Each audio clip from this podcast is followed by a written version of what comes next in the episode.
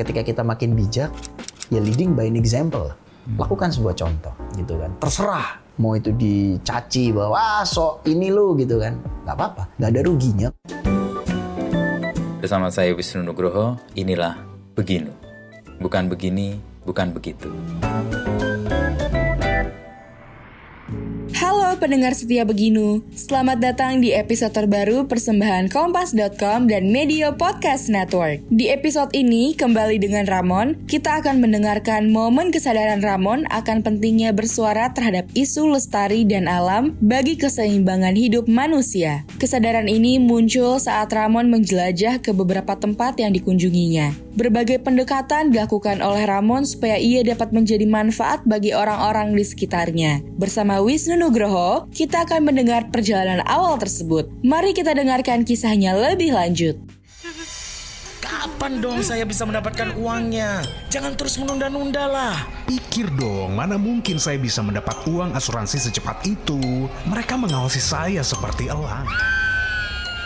Tinggal nama hadir kembali dengan kisah misteri lainnya dan suasana yang lebih mencekam. Diangkat dari cerita mistis majalah Intisari, persembahan Media Podcast Network by KG Media, hanya di Spotify. Saat semuanya sudah terlambat.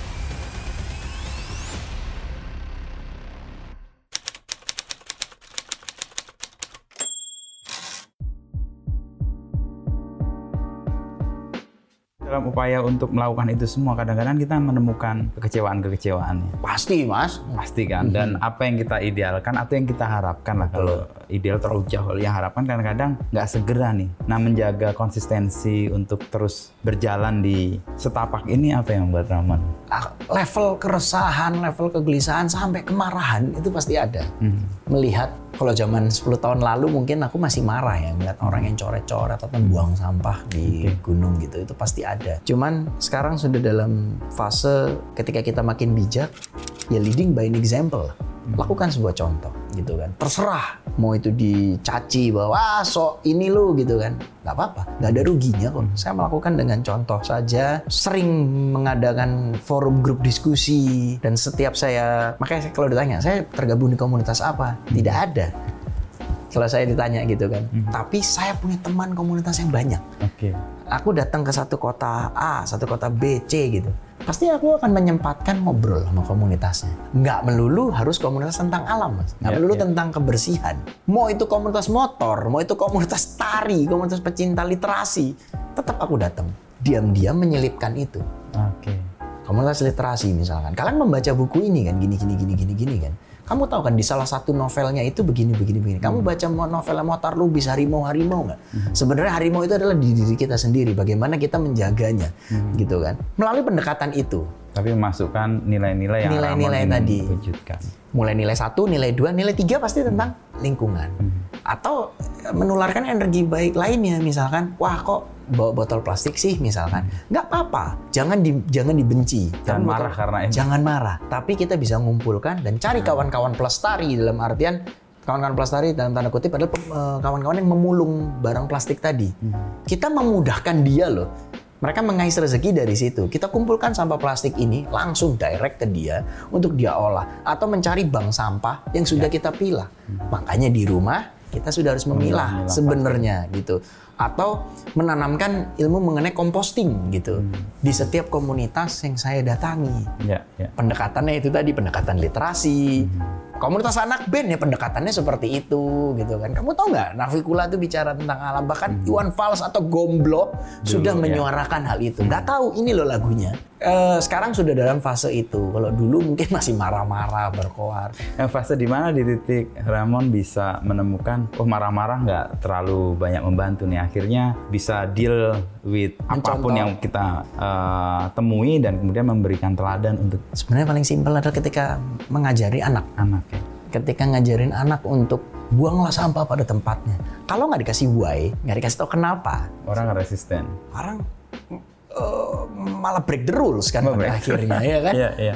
Kasih tahu kenapa begini, kenapa begini. Istri ke- pernah ngajarin anak saya membuat ekoenzim dalam artian ketika kulit jeruk, kulit buah Dijadiin. naga dicampur cuka, garam, apa segala macam diramu, dibiarkan dicatat tanggal pembuatannya, dibiarkan selama berapa bulan gitu. Maka ini bisa dipakai loh untuk ngebersihin meja.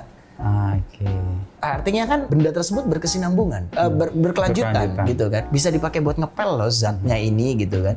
Nggak perlu beli lagi pembersih kan mas, tanda kutip seperti itu. Lalu ketika sudah tidak bisa dipakai lagi, kulitnya di- ditaruh ke mana bun gitu kan? Ya kulitnya dikompos. Ketika kita ngasih tahu, kemudian anak-anak, terus teman-teman anak-anak komplek kita kasih tahu seperti itu. Oh pendekatannya begini tuh. Pendekatannya begini. Kita membawakannya dengan fun. Ayo siapa yang bisa ngumpulin sampah di depan rumahnya, kasih ke om gitu kan. Nanti kita sama-sama kita ngolah, kita foto-foto, kamu kasih lihat ke guru segala Hmm. macam. Nanti boleh kita bermain apa, mungkin Ah, sistem oke. reward ya, Hmm. kita kasih hadiah apa gitu kan. Tapi hadiahnya bukan barang saja. Hmm. Tapi hadiah simbolik mungkin berupa dirangkai seperti crown king Oke, gitu iya, raja. iya, iya. Hore, kamu bulan ini Menjadi menjadi, pelestari. Ya, pendekatannya seperti itu kan. Akhirnya hal-hal seperti itu saya melihat bahwa oh this is good approachingnya seperti ini. Maka ketika saya dengan komunitas mana pun saya tidak tergabung di komunitas apa pun. Tapi semua komunitas Bisa dimasuki. saya masuk ke semua semua komunitas itu saya berteman banyak dengan keluarga-keluarga baru ini. Saya melihat itu bahkan nggak cuma saya yang menstimulun hal tersebut. Bisa jadi sebaliknya mas. Kita yang dapat atau Rahman Aku yang dapat. melihat Ah. ada energi baik lain. Mereka pasti punya energi baik ya. Tapi ada hal lain yang ternyata oh pendekatannya untuk menjaga lingkungannya mereka seperti ini tuh. Ada hal baru yang Ada hal baru.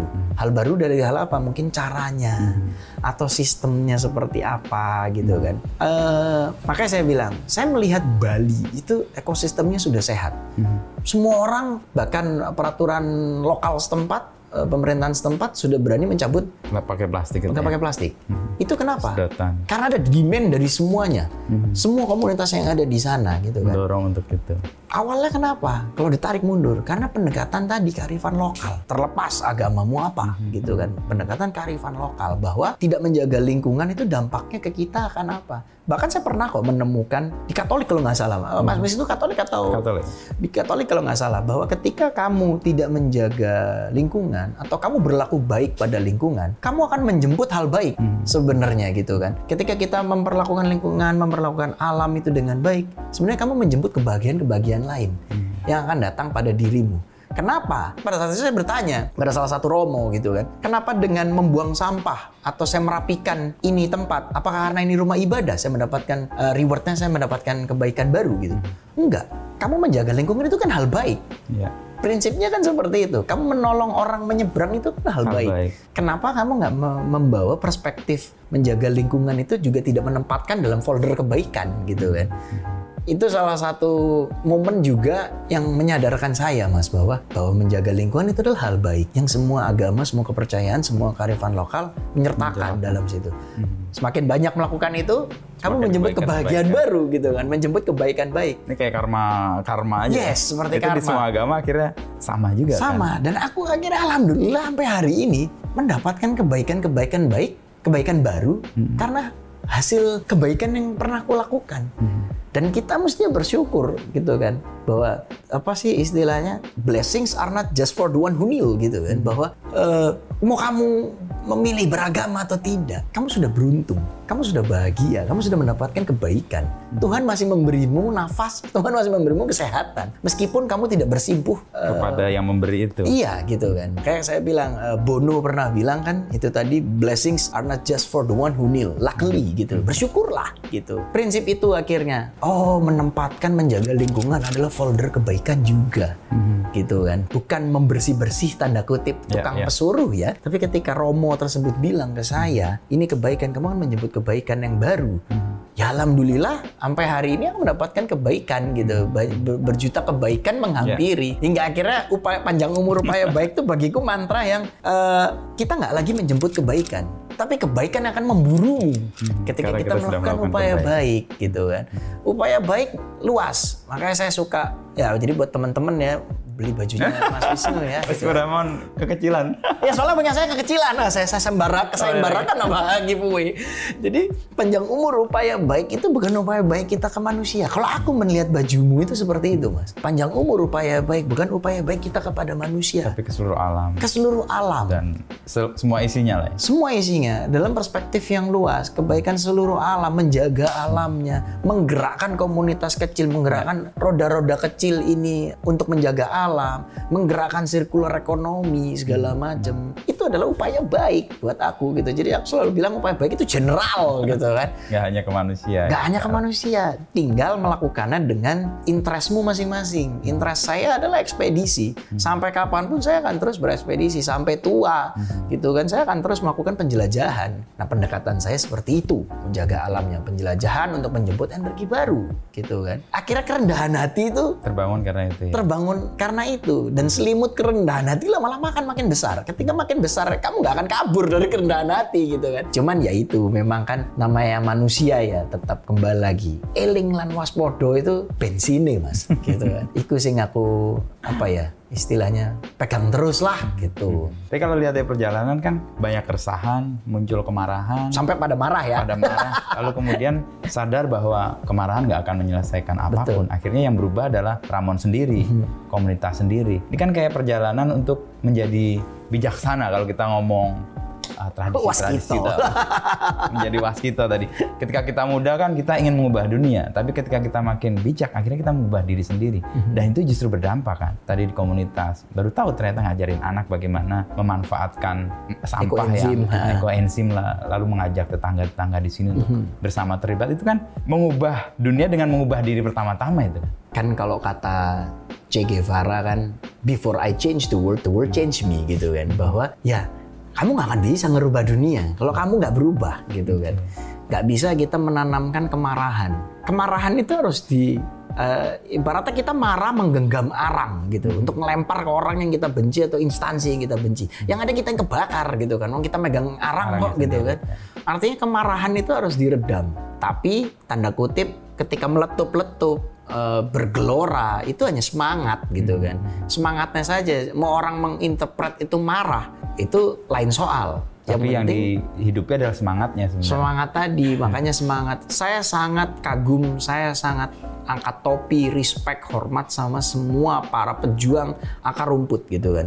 Para pejuang yang bergerak di komunitas gitu. Bahkan yang tidak perlu dia tidak perlu tenar gitu kan. Kalau saya menganggap bahwa keep it real gitu keep it genuine gitu keep it natural gitu dia melakukan hal tersebut banyak kan lokal-lokal hero yang Ya. pelestari itu. Bahkan kayak tadi saya bilang kawan-kawan pemulung yang fungsinya adalah eh, peran mereka adalah mengumpulkan sampah plastik. Bagi saya dia lokal heroes.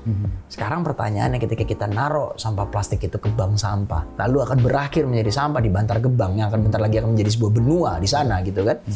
Itu mereka mengumpulkan untuk diolah kembali walaupun mungkin mereka belum paham diolah kembali ini fungsinya apa dampaknya apa diolah kembali dikirimkan ke mana mungkin mereka nggak tahu but they are heroes buat gua Iya, iya. mereka adalah sebuah pahlawan gitu yang mengumpulkan tadi gitu. Kembali lagi bahwa saya menghormati semua pejuang-pejuang akar rumput ini. Dari situ saya belajar. Dari situ saya bangga menganggap bahwa saya adalah muridnya gitu. Saya bukan siapa-siapa di sini. Saya bukan malaikat kok gitu kan. Saya bukan Greta, saya bukan Leonardo DiCaprio gitu ibaratnya. Saya belajar itu gitu. Dulu waktu tahun 2000 berapa? Eh, 19 ketika terjadi kebakaran hutan di Riau dan Ya, Kalimantan, saya melihat marah mas, jujur. Ini salah satu peristiwa yang mungkin bisa saya bagikan ya bahwa saya melihat di artikel bahwa ketika kebakaran hutan terjadi, kita nggak perlu bilang penyebabnya, tapi apa dampaknya. Oke. Ketika kualitas udara di sana buruk, saya pantau di aplikasi kualitas di sana buruk di Pontianak, Palangkaraya kalau nggak salah, di Riau itu buruk. Saya melihat bahwa banyak yang susah bernafas segala macam Saya sempat delay penerbangan dua hari dari dari Kalimantan Pontianak pada saat itu. pada saat itu. Ah, Karena emang pesawat nggak bisa mendarat. Itu dampak ekonomi lah. Dampak Yang ekonomi. parah sebenarnya dampak kesehatan sebenarnya. dampak kesehatan. Lalu ke- pada saat itu juga saya sedang melakukan syuting di Bangka. Bangka. Tidak continuity. Hari ini kita syuting awannya bagus, besokannya menjadi gelap gitu kan. Dan akhirnya cuaca berubah. Hal yang membuat saya marah saat itu ketika saya membaca artikel harga masker menjadi naik. Gitu kan. Obat-obatan batuk, obat batuk, obat Menjadi pernafasan menjadi naik. Dalam hati saya, gila ya kenapa kamu komoditikan? Ini orang butuh gitu kan. Itu salah satu momen dari banyak momen eh, saya tergerak melakukan untuk saya terpikir gini, bukan berpikir bersyukur bahwa saya tinggal jauh dari sana, tidak. Saya berpikir saya bersyukur saya punya relasi. Saya punya teman yang kalau saya kumpulkan bisa memberikan sumbangsi baik ke mereka gitu kan. Bukan riak ya Mas ya, bukan bukan Mau bukan menunjukkan Iya bukan. Akhirnya saya gerilya aja. Saya niatan karena gila ya. Saya pantau sama teman-teman kontri, jurnalis yang ada di sana. Gimana kebutuhan di sana butuh apa? Wah ini mahal mas, ini segala macam. real ya. Akhirnya saya tergerak lah untuk melakukan ketuk pintu ya para pembesar atau mungkin teman sendiri by WA group. Uh, saya bilang saya akan ke sana segala macam. Terserah kalian mau mensupport Support saya saya apa. Kebutuhannya adalah ini ini ini ini. Terserah mau wujudnya seperti apa. Dan nggak disangka-sangka jumlahnya memang melebihi ekspektasi saya gitu kan.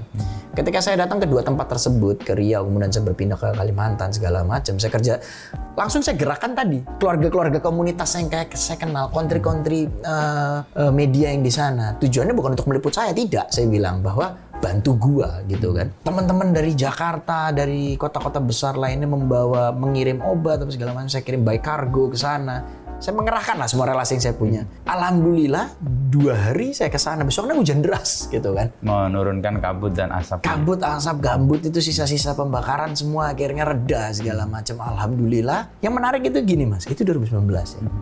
Jutaan masker, bukan jutaan, ratusan mungkin ya eh, masker yang saya bawa dengan kualitas N95 karena sudah terpakai terus ada desa yang belum saya kun- waktunya saya kunjungi ternyata tiba-tiba sudah hujan segala macam akhirnya masih sisa.